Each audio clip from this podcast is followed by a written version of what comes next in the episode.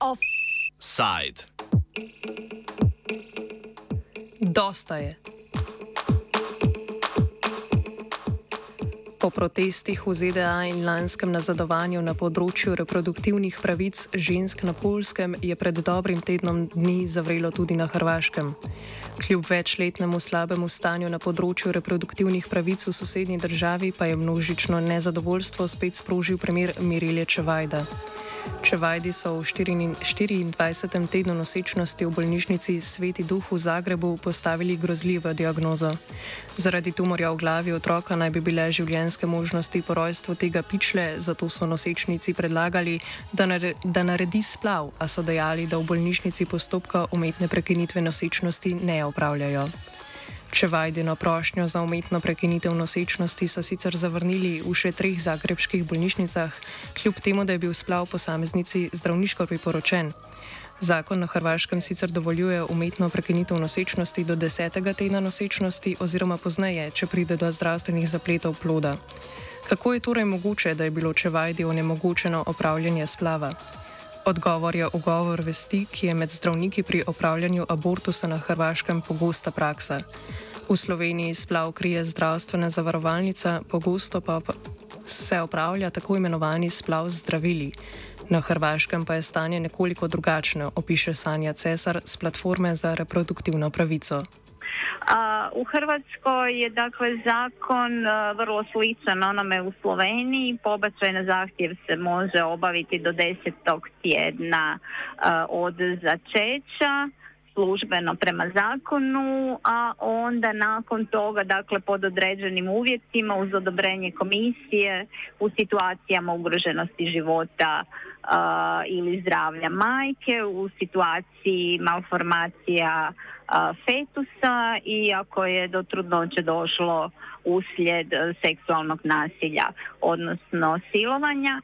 Cijene su različite, dakle u Hrvatskoj se pobačaj može obaviti samo u bolnicama, a cijene jako variraju, tako da u nekim bolnicama on može biti od ne znam 1500 pa do 3000 kuna, što znači recimo od nekih 250 eura pa onda može rasti i do 500. Mirila Čevajda pa ni edini primer prepada med zakonsko zagotovljenimi pravicami in dejanskim stanjem, s katerim se soočajo ženske. Kljub zakonskim določitvam je možnost opravljanja splava v praksi vse prej kot lahka, pravi sogovornica. Pa mi od 90-ih u stvari svjedočimo da se postojeći zakon ignorira, tako da žene imaju cijeli niz barijera uh, u uh, obavljanju pobačaja. Jedna od većih svakako jest uh, i pitanje priziva savjesti. Dakle, to su ginekolozi u javnim bolnicama koji trenutačno, zadnji podaci koji imamo, oko 60% njih ne obavlja pobačaje zbog vlastitih uvjerenja. To može značiti dakle da u nekim bolnicama, recimo u Slavoniji, u bolnici nema ti jednog ginekologa koji bi napravio pobačaj, tako da žene moraju putovati dalje.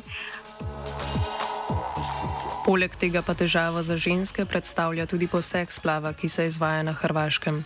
A osim toga je problem u Hrvatskoj što je, iako bi trebao biti dostupan medikamentozni pobačaj, dakle pobačaj e, pilulama, je nedostupan u velikom broju bolnica zbog toga što naprosto liječnici ili im nedostaje znanja ili vještina ili naprosto ne žele obavljati medikamentozne pobačaje.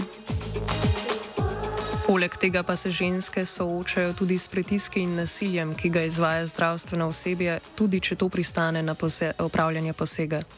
što žene ne mogu nikako ni dobiti informacije o pobačajima kada nazovu bolnice.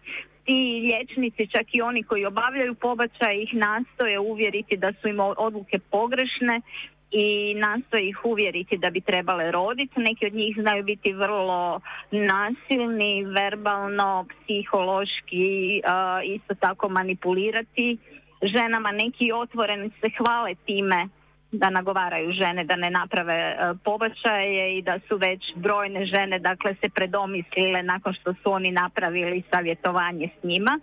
Savjetovanje u Hrvatskoj nema, ali neke bolnice su ga uvele samo zato da bi uh, bile pristrane, dakle razuvjeravale žene da ne obave pobačaje. Ugovor vesti je ustavna pravica, ki zaposlenim v zdravstvu omogoča zavračanje posegov, do katerih imajo moralne, verske ali druge zadržke.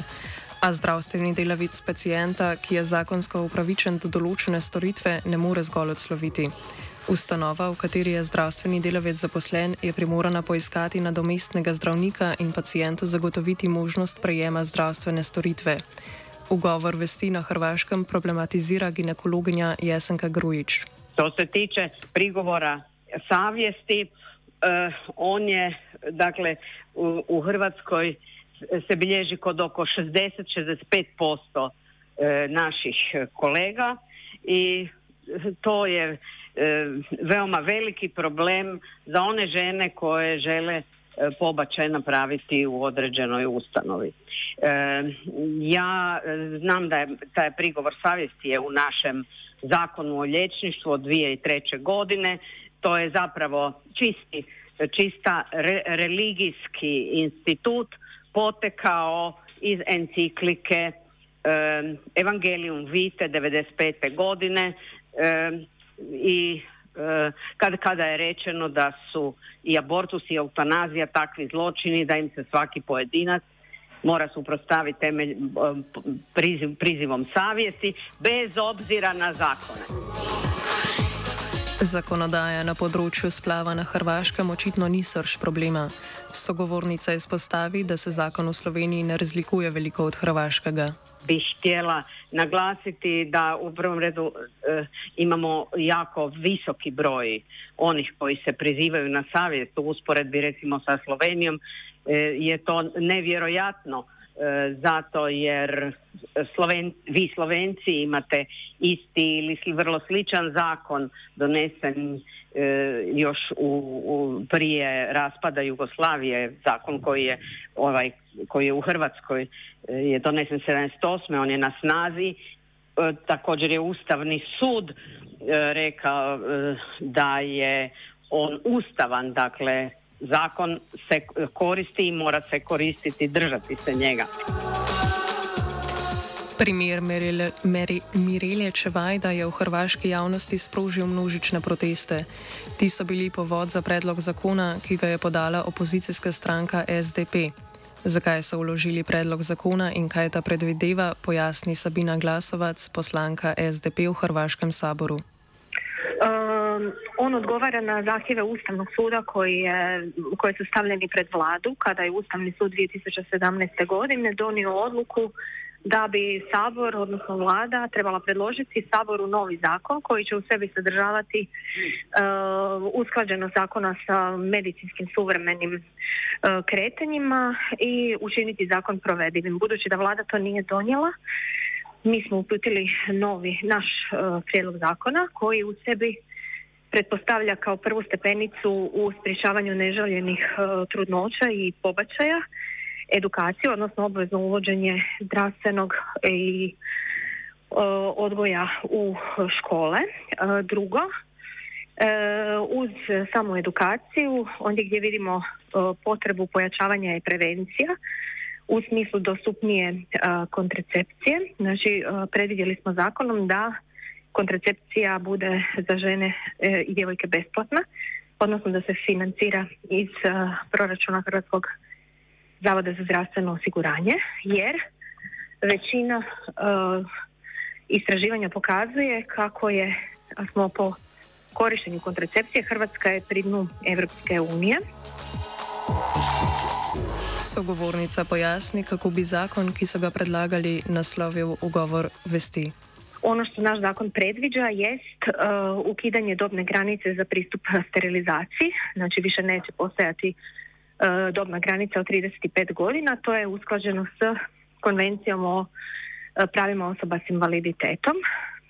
I posljednje dvije stvari, Znači da svaka zdravstvena ustanova ovlaštena za pružanje ove medicinske usluge mora ženama ponuditi mogućnost medikamentoznog prekida trudnoće uz pomoć tableta koji je neinvazivan, a koji u ovom trenutku provode samo dvije bolnice, odnosno zdravstvene ustanove u Hrvatskoj.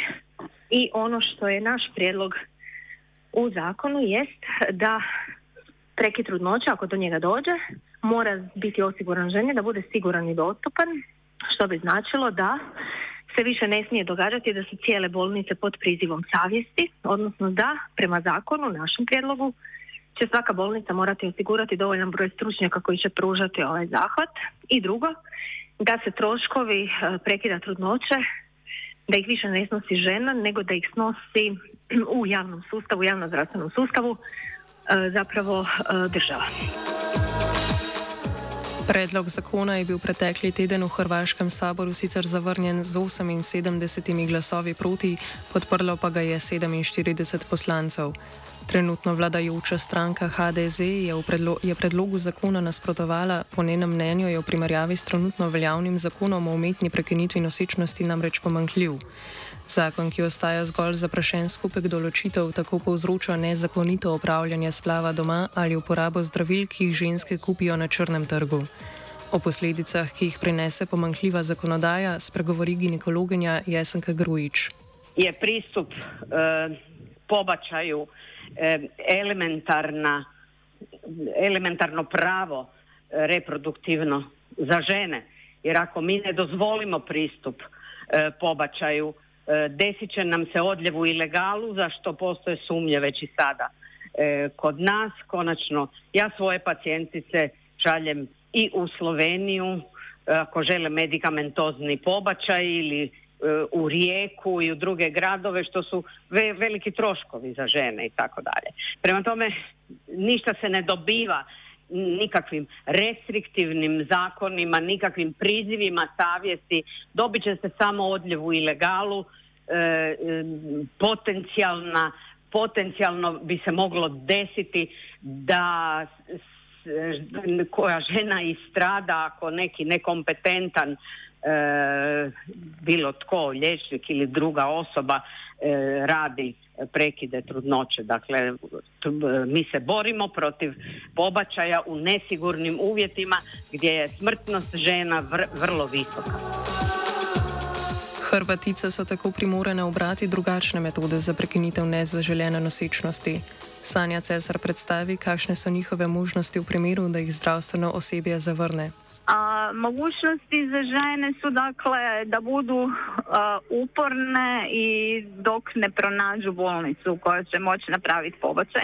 Ono što se isto tako zna dešavati, dakle da liječnici koji odbijaju napraviti pobačaj u, unutar javno zdravstvene ustanove i ih naruče kod sebe u privatnu praksu ili ih isto tako pošalju nekom drugom liječniku uh, u privatnu ordinaciju što je u stvari ilegalno ali oni to i dalje rade zato što se žene i zbog stigmatizacije i, i, i svega što doživljavaju u stvari ne, ne usude glasno progovoriti o tome.